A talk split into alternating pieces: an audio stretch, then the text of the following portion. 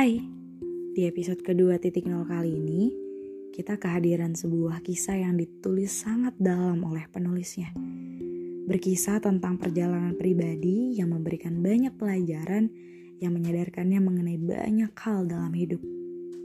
Cerita ini ditulis dari sosok yang gak bisa gue sebut namanya, tapi kisahnya semoga bisa menginspirasi dan bermanfaat bagi banyak orang.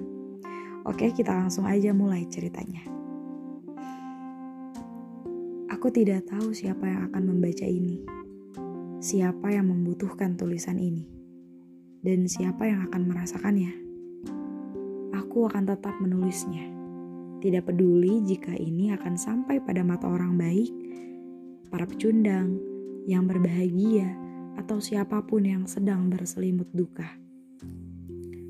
Aku menuliskannya setelah aku selesai dengan satu kebencian kepada diriku sendiri. Aku menuliskan ini setelah aku memaafkan diriku.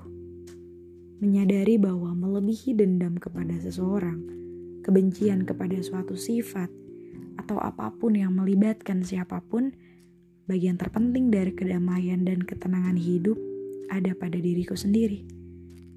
Aku pernah percaya kepada seseorang, lalu dihianati tanpa sisa. Aku pernah meletakkan harapan dengan janji seseorang, lalu diingkari hingga akarnya. Aku pernah peduli kepada seseorang, lalu diabaikan sebegitunya. Aku pernah berjuang untuk seseorang, lalu ditinggalkan tanpa kata-kata.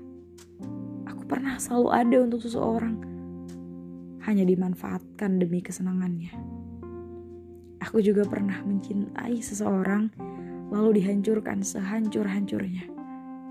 Memberikan segala pada seseorang yang tak punya rasa iba dan tanggung jawab. Lalu, aku mulai membunuh setiap kepercayaan seseorang. Mulai mengingkari semua janji yang aku buat. Mulai berhenti peduli dan membiarkan setiap orang sekarat dengan pilihan masing-masing. Mulai berhenti berusaha untuk hubungan apa pun mulai berhenti menjadi pendengar ataupun yang memberikan pelukan, dan mulai tak lagi mencintai. Hingga berakhir, aku menghabisi diri sendiri dengan menyakiti orang-orang. Aku menghancurkan diriku sendiri dengan menghancurkan orang-orang. Tak peduli ia bersalah kepada aku atau bukan, tak peduli ia menyakitiku atau tidak, aku mulai terlatih menjadi biadab untuk banyak orang. Barangkali hanya pembunuh yang bisa membunuh pembunuh.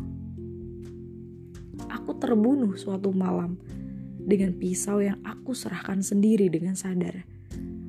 Aku mati. Kebajingan itu turut serta hilang dalam diriku. Akal sehatku turut mati dan hatiku akhirnya menjerit karena lelah dipaksa mati. Di titik itu aku melihat seberapa banyak nyawa yang aku biarkan terkapar demi keegoisanku sendiri. Porak-poranda namun menolak menjadi salah. Aku hancur namun menuntut. Banyak kambing hitam. Kehidupan menjadi korban yang paling sering aku tunjuk sebagai terdakwa atas hilangnya semua kebaikan dalam diriku. Padahal akulah yang memilih menjadi brutal. Kau tahu apa yang paling sulit diakui semua orang? Mengakui ke dirinya sendiri bahwa dialah yang bersalah setelah perdebatan panjang, aku mengakuinya bahwa akulah yang telah menghancurkan diriku sendiri.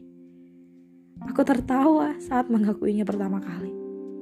Mengingat seberapa banyak aku sering mengatakan kepada orang-orang bahwa bagian paling sulit di negara ini adalah mengakui bahwa banyak hal dalam tatanan hidup kita salah.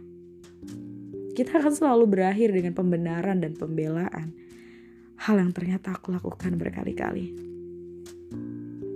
Aku tidak tahu di hari keberapa aku menangis lalu tertawa, merasa kosong lalu riuh, merasa sepi lalu ramai, hingga di satu titik atas semua kesalahanku, perihal Tuhan, perihal agama, perihal negara, perihal keluarga, perihal adat, perihal sosial, perihal cita, perihal teman, perihal cinta, dan semua aspek yang telah membongkar pasang kehidupanku Aku terima bahwa aku bersalah dan aku tetap hidup dengan semua kesalahan itu. Aku mulai belajar meminta maaf kepada diri sendiri. entah berapa banyak kesalahan, terkadang masih melakukan pengingkaran, lalu kembali menerima. Aku pernah menghukum diri sendiri, ingin melarikan diri sekali lagi, lalu kembali bertanggung jawab, membiarkan ingatanku penuh oleh pemikiran jahanam. Mengurai satu-satu, memeluknya satu-satu, melepaskannya satu-satu. Hingga hari ini aku, saat aku menulisnya, aku telah memaafkan diriku sendiri. Jangan tanya aku butuh waktu berapa lama, yang pasti tak pernah sebentar.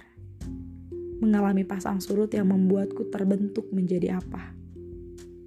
Maka, aku tuliskan ini kepada kau. Siapa pun, barangkali ada kebencian dalam dirimu yang membuat kau mengkambing hitamkan banyak hal menuduh banyak kehidupan, mencari pembenaran.